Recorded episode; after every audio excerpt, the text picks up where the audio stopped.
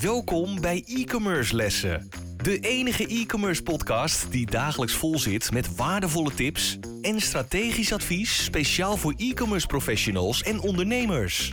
Gegeven door twee ondernemers met vele jaren aan ervaring die hun strepen verdiend hebben in de marketing en e-commerce. Laten we beginnen met het verhogen van jouw e-commerce kennis. Hier zijn je leraren, Dries de Gelder en Alexis van Dam. Welkom bij e-commerce lessen. Ik ben Dries de Gelder. En ik ben Alexis van Dam. We gaan les 17 vandaag, LinkedIn. Ja, LinkedIn. Wat dat betreft, ik zag van mij... Ben jij niet een, uh, van oudsher een soort van LinkedIn-specialist? Nou, ik heb er heel wat mee gedaan. Ook uh, zeker nog toen ik mijn eigen bedrijf had, heel veel workshops ingegeven. Um, en voor mij recentelijk, voor mij ergens het begin deze week of ergens, nou dat was, dat was, vandaag, maar ergens vorige week of zo zag ik een post dat LinkedIn inmiddels uh, 18 jaar oud is. Dat is al best wel weer een, een behoorlijke leeftijd. Um, en het, mooie vind ik van LinkedIn is dat het echt een reis doorgemaakt. Uh, van eigenlijk een database met heel veel uh, profielen naar gewoon echt een serieus goed content platform. Waarbij je jezelf en je bedrijf heel goed kan, kan neerzetten. En ook, ja, zeker in Nederland, er heel veel business uit wordt gegenereerd. Dus denk ik zeker een platform voor de ondernemer. Maar ook voor ondernemer met zijn of haar bedrijf. Om daar echt serieus werk van te gaan maken. Oké. Ik, uh, wel leuk, uh, volgens mij heb ik jou ooit nog een keertje uh, een fotootje gestuurd dat ik op een training voor LinkedIn zat en dat men voorbeelden van jou aanhaalde.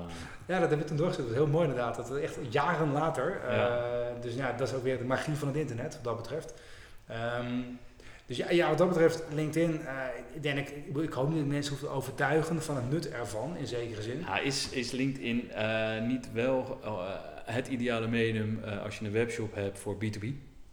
Ja, zeker B2B. Hè. Um, waarbij ik wel wil zeggen dat hè, als je even B2B, B2C aan elkaar houdt, hè, business to consumer, business to, uh, to business, um, dat men vaak denkt B2B, dat is LinkedIn. Dus dan mag het ook per definitie uh, wel saai zijn. Uh, daar is inmiddels wel een andere lijn in gekomen. Dat het steeds wel wat leuker wordt, wat meer social. Als je kijkt wat, hoe LinkedIn zich ontwikkelt, is het veel meer op de mens gericht. Mogen ook best wel wat meer van jezelf laten zien, binnen het redelijke. maar wat ik vaak zeg, mensen doen zaken met mensen. Of, hè, uh, en niet zozeer met de tent. Uh, want dat, dat maakt nogal wat uit. Want kijk, mensen transacten met, met anderen en niet met het bedrijf. dus hoe meer jij je mensen, jezelf, maar ook je medewerkers de ruimte geeft om zichzelf goed te positioneren en neer te zetten op LinkedIn, hoe beter het eigenlijk is. En vinden mensen ook fijn. Zeker. Als ik dan even ga kijken naar LinkedIn en hoe je het het beste inzet. Uh, je kan natuurlijk inderdaad, je hebt gewoon standaard post. Maar daar begint het niet. Hè? Het begint natuurlijk gewoon keihard bij je profiel en je bedrijfspagina. Ja. waarin denk ik een, je persoonlijke profiel veel beter werkt dan een bedrijfspagina. Een bedrijfspagina is het heel moeilijk om interactie te krijgen. Dan moet je echt al honderdduizenden volgers hebben. En om die te krijgen, dat is best lastig. Uh, dus het begint eigenlijk allemaal bij je privépagina. Uh, en wat ik daar al vaak zie bij heel veel ondernemers waar het al fout gaat, daar staat niet al de juiste teksten. Daar staat niet dingen om uit te lokken, om meer te gaan lezen. Daar staat geen introductie van zelf. van jezelf. er staat geen goede introductie van welke producten je nou allemaal precies verkoopt, welke dienst je allemaal biedt. En als je dan naar iemand zijn verleden gaat, ja, dan is het ook vaak maar een zootje. Nou ja, het is wederom, hè, want ook met, met zoekmachine optimalisatie geldt. Als niet op je profiel staat, kan niet op gevonden worden.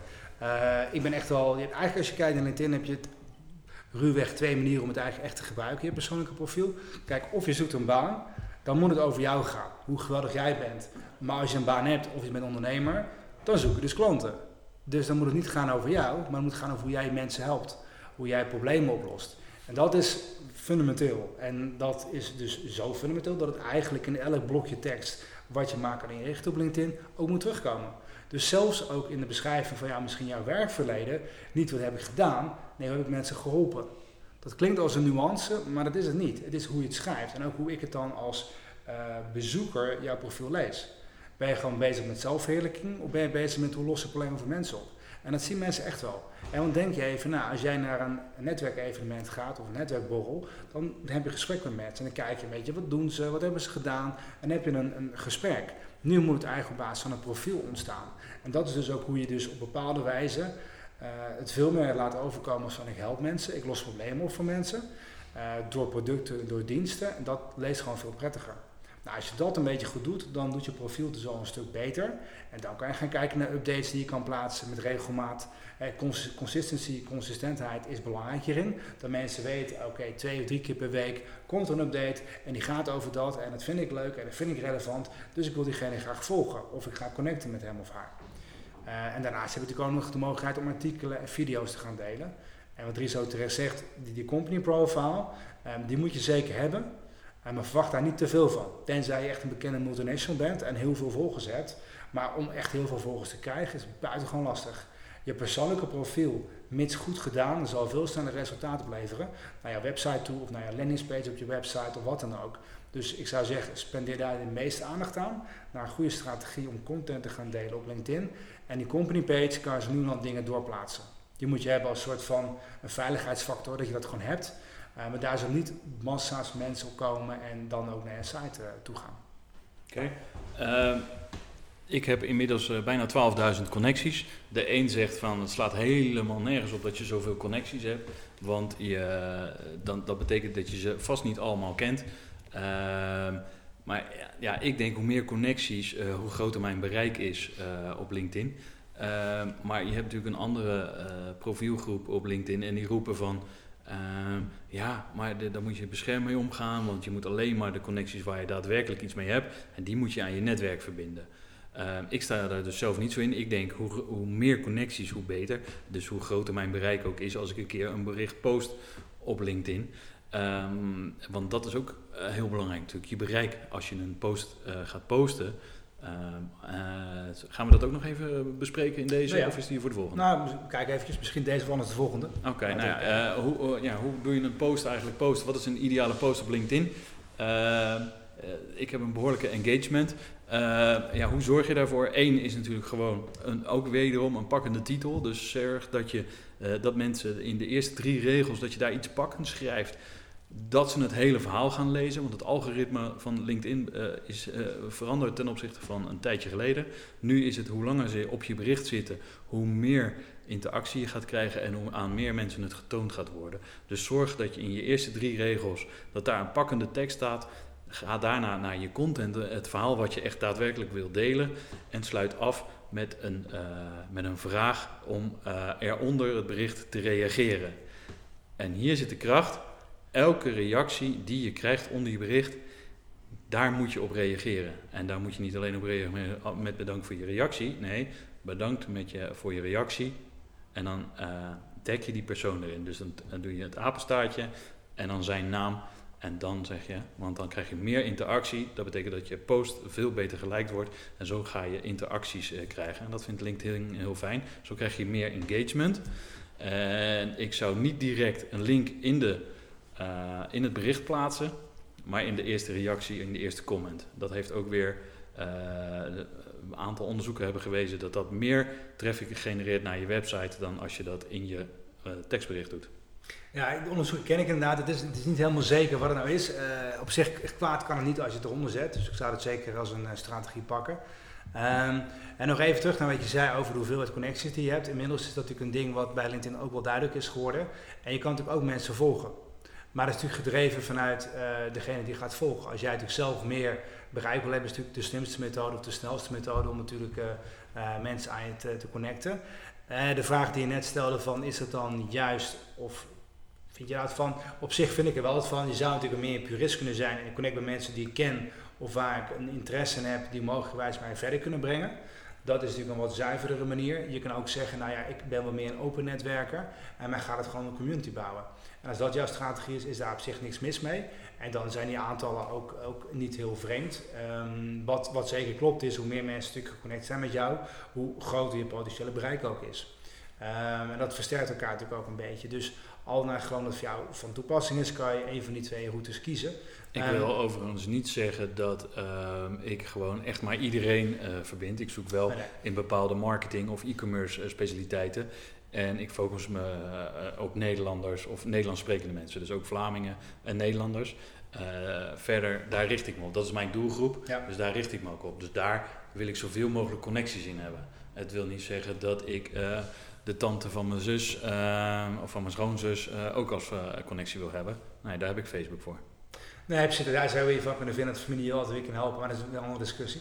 Ehm, nee, maar op zich, het klopt wel hoor, want ehm, uiteindelijk helpt dat ehm, ja, wel om de zaak te richten. En uh, uiteindelijk, iedereen moet daar zijn eigen keuze maken, vind ik, want een, netwerk is wel een persoonlijk ding. Het hangt ervan af hoe jij ermee omgaat. En uh, met name ook als jij natuurlijk een verzoek stuurt, moeten mensen het wel accepteren. Het wil niet zeggen als ik met jou wil connecten, dat, mensen, dat je ook automatisch ja zegt. Dus je moet ook een goed verhaal hebben. En daarbij is natuurlijk ook dat berichtje wat je kan meesturen tijdens het verzoek erg van belang.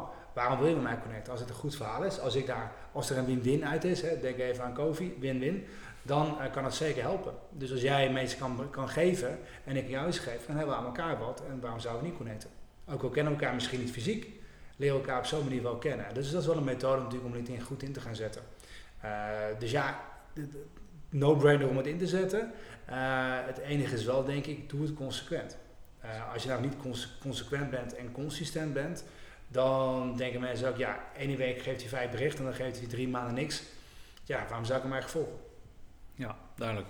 Uh, wat ik ook nog een belangrijke vind is zeg maar. Uh, achter de gesloten deuren, daar gebeurt de meeste handel. Dat is op LinkedIn ook zo. In een blogpost kan je mensen lokken of uitlokken tot een reactie te posten of om naar een website te gaan of om, om een bepaald dienst te gaan bekijken.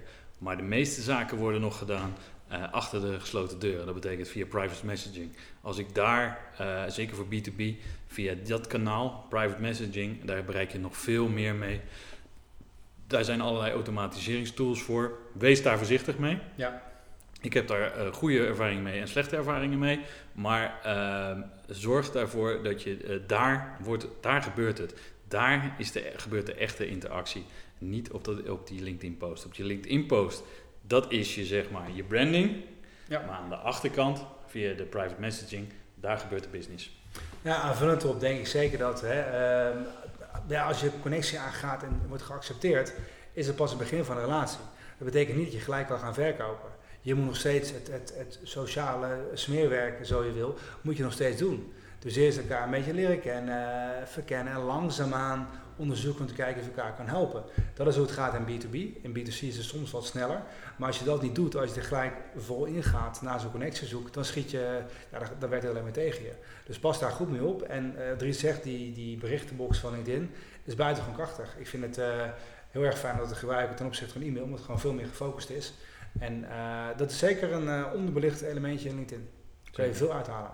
En als je dus een intern bericht uh, stuurt, uh, probeer onder de 500 woorden te blijven. Ja, begrijp ik. Kort maar krachtig. Ja, toch? Dit was LinkedIn. Wij waarderen het enorm dat je weer naar een e-commerce les hebt geluisterd. Ga naar e-commercelessen.com voor nog meer interessante content over deze les en schrijf je in voor onze nieuwsbrief voor nog meer succes.